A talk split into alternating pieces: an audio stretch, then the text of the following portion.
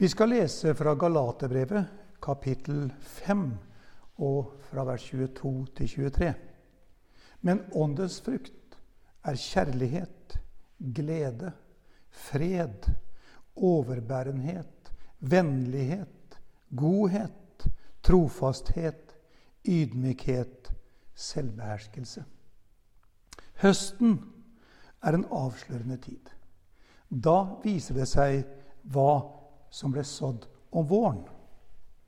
Og vi høster frukten av det som ble plantet, det arbeidet som ble gjort, og tid og krefter som er investert i våronna. I teksten som vi leste, sto det også om frukt. Åndens frukt. Og det beskriver karakteregenskaper som kommer til syne i våre liv når Den hellige ånd får prege oss. Den gledelige sannheten er at vi har kontroll over det vi skal høste, fordi vi har kontroll over det vi sår. Både i våre egne liv og i det naturlige. Noen ganger kan vi bli overrasket over det som kommer opp av bakken. Og vi spør dette kan umulig vi ha sådd. Noen ganger kommer det rekende med vinden, og det kommer opp ugress. Og vi lurer på hvor kommer det fra, tro? I våre liv er det slik at Bibelen har ingen illusjon om at det i et menneskes liv bare er det gode og bare er god frukt.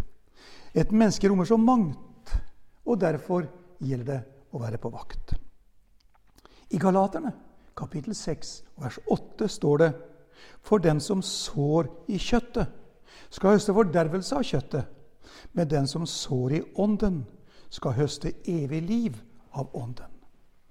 Selv om våre liv som mennesker kan preges både av det positive og det, av det negative, så er det en fantastisk sannhet at vi kan preges av egenskaper som egentlig ikke er våre egne.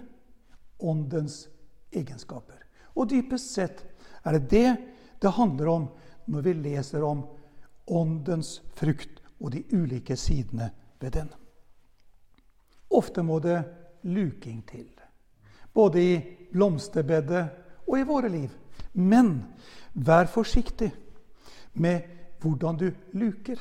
For du kan komme til å rive opp det som ikke skulle rives opp. Og ikke vær for hard med deg selv heller når du luker og rydder ugress i ditt eget liv. Gjør det sammen med Herren. Da blir det gjort på den riktige måten, forsiktig, men samtidig grundig. Frukt kan ikke piskes fram i våre liv. Det er helt umulig å gå ut i hagen og anklage et frukttre fordi det ikke bærer frukt. Frukt er et resultat av en prosess. Du får en ny sjanse neste vår om du ikke lykkes denne våren. Frukt kan man ikke lage. Frukt blir ikke til ved egen anstrengelse.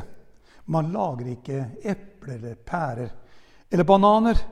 Frukt er et resultat av en prosess. Å få frukt tar tid. Og det er nettopp derfor at det er en tidsdimensjon mellom at vi sår og at vi høster. Så er det så lett å bli sliten og gå lei. For i et menneskes liv er det gjerne mer enn en fire-fem måneder mellom at man sår og at man høster. Og det er sikkert derfor Paulus sier, også her i Galaterbrevet, og la oss ikke bli trette av å gjøre det gode, for vi skal høste i sin tid, bare vi ikke mister motet. Og dersom du og jeg står der med hendene fulle av frukt som vi ikke liker i våre egne liv, så la oss ikke fortvile. Slipp Gud til. Han ser videre. Forbi der hvor du er nå. Og vi hjelper deg til å få begynne på nytt, så du kan bære mer frukt. Man lager ikke frukt. Man bærer frukt. Nå, når betingelsene er til stede, så vil frukten komme i et menneskes liv. Åndens frukt, hva er det? Jo, det er personlige karakteregenskaper hos deg og meg som vokser fram når Den hellige ånd får bo i vårt indre. Som et resultat av at vi er født på nytt, og at Guds hellige ånd får prege våre handlinger og våre holdninger og våre liv. Det er altså Kristi liv levd ut gjennom våre liv. Rombrevet sier i kapittel 6.: Men nå, siden dere er blitt satt fri fra synden og blitt tjenere for Gud, da høster dere frukt til helliggjørelse. Og målet er evig liv. Frukt til helliggjørelse.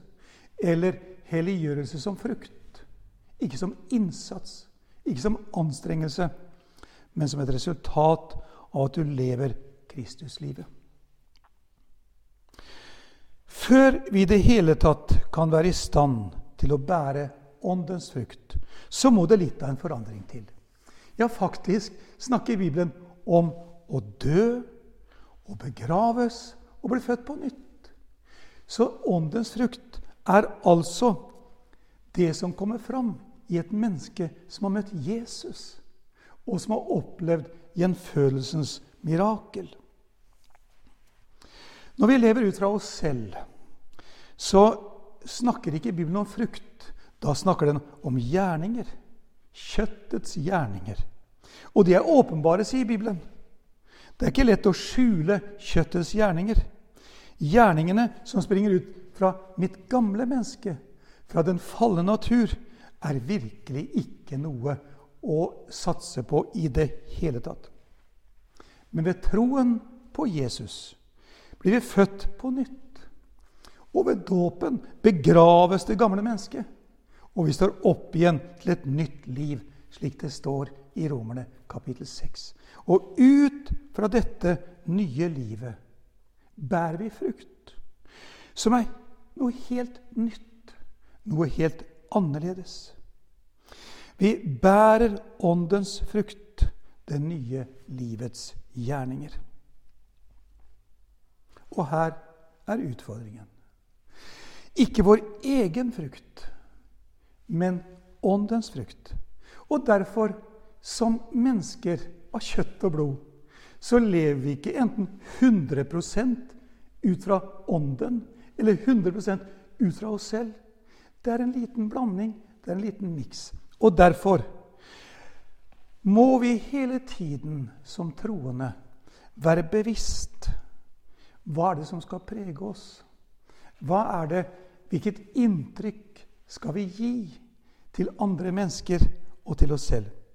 Skal vi preges av kjøttet, tilbøyeligheten til det onde, eller det nye mennesket ved den gjenfødte ånd som er skapt av Gud ved ordet og ånden?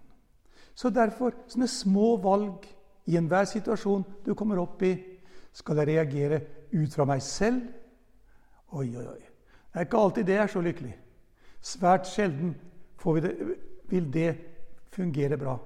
Eller skal jeg reagere ut fra mitt indre, fra ånden, fra, min, fra det gjenfødte liv i meg? Når Galaterbrevet taler om åndens frukt, så taler den egentlig om ni sider ved frukten. Vi skal altså ikke forbedre oss selv. Det, Gud, det duger ikke i det hele tatt. Og det duger i hvert fall ikke for Gud. Vi skal slippe Den hellige ånd til, slik at det livet vi lever, er vi ikke i stand til å leve av oss selv, men vi lever ut det nye livet. Når Paulus i Galaterbrevet 5 snakker om det nye livet, om åndens frukt, så står dette i éntall. Ikke ni forskjellige frukter, men én åndens frukt med forskjellige sider. Og jeg fylles med takknemlighet.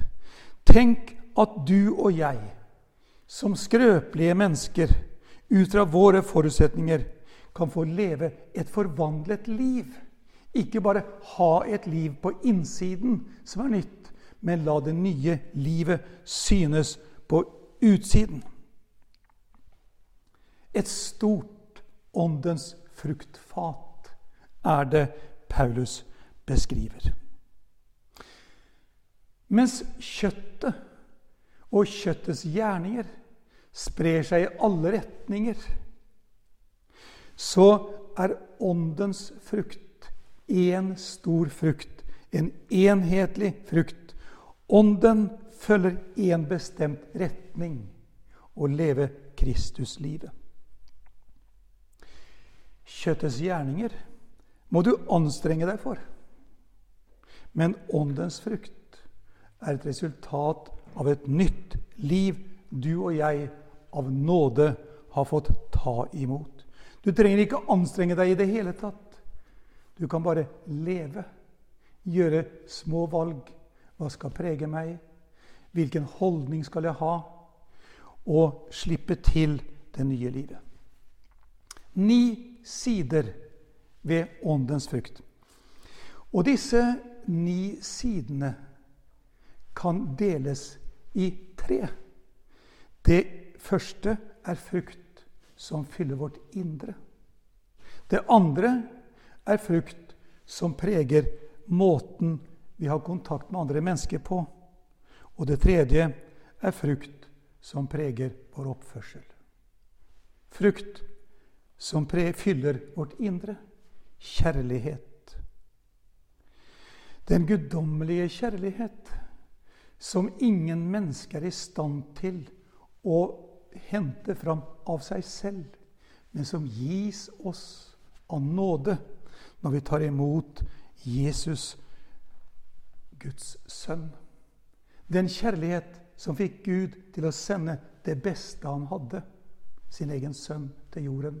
Den kjærlighet er utøst i våre hjerter. Glede. Den indre dype fred som du og jeg, alle som har tatt imot Jesus, kan få oppleve i sitt indre. Og fred. Denne velsignede roen i freden som fyller deg samme hva du møter i ditt, liv. Den andre frukt, delen av fruktfatet, frukt som preger vår kontakt med andre mennesker. Overbærenhet, utholdenhet, selv når man blir provosert. Vennlighet, mildhet og godhet i ditt møte med andre mennesker.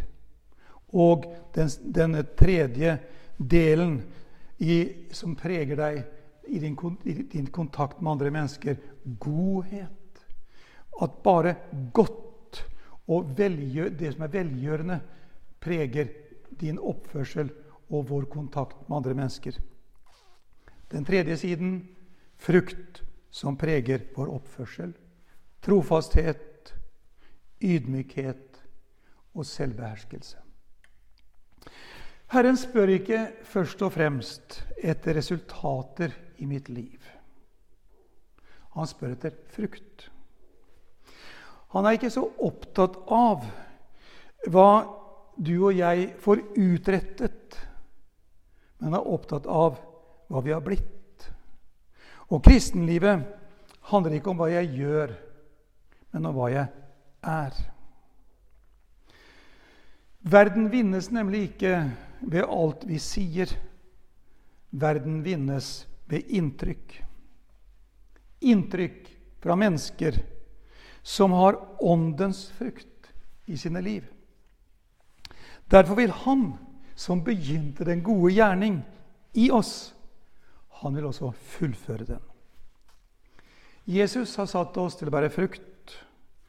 Det kan vi bare gjøre når vi blir i ham. Det er vår hvilestilling, og det er vår arbeidsstilling. Den som blir i meg, sa Jesus, og jeg i ham, bærer mye frukt. Der ligger hemmeligheten. Himmelske Far, velsign oss i sannhet. Ditt ord er sannhet. Amen.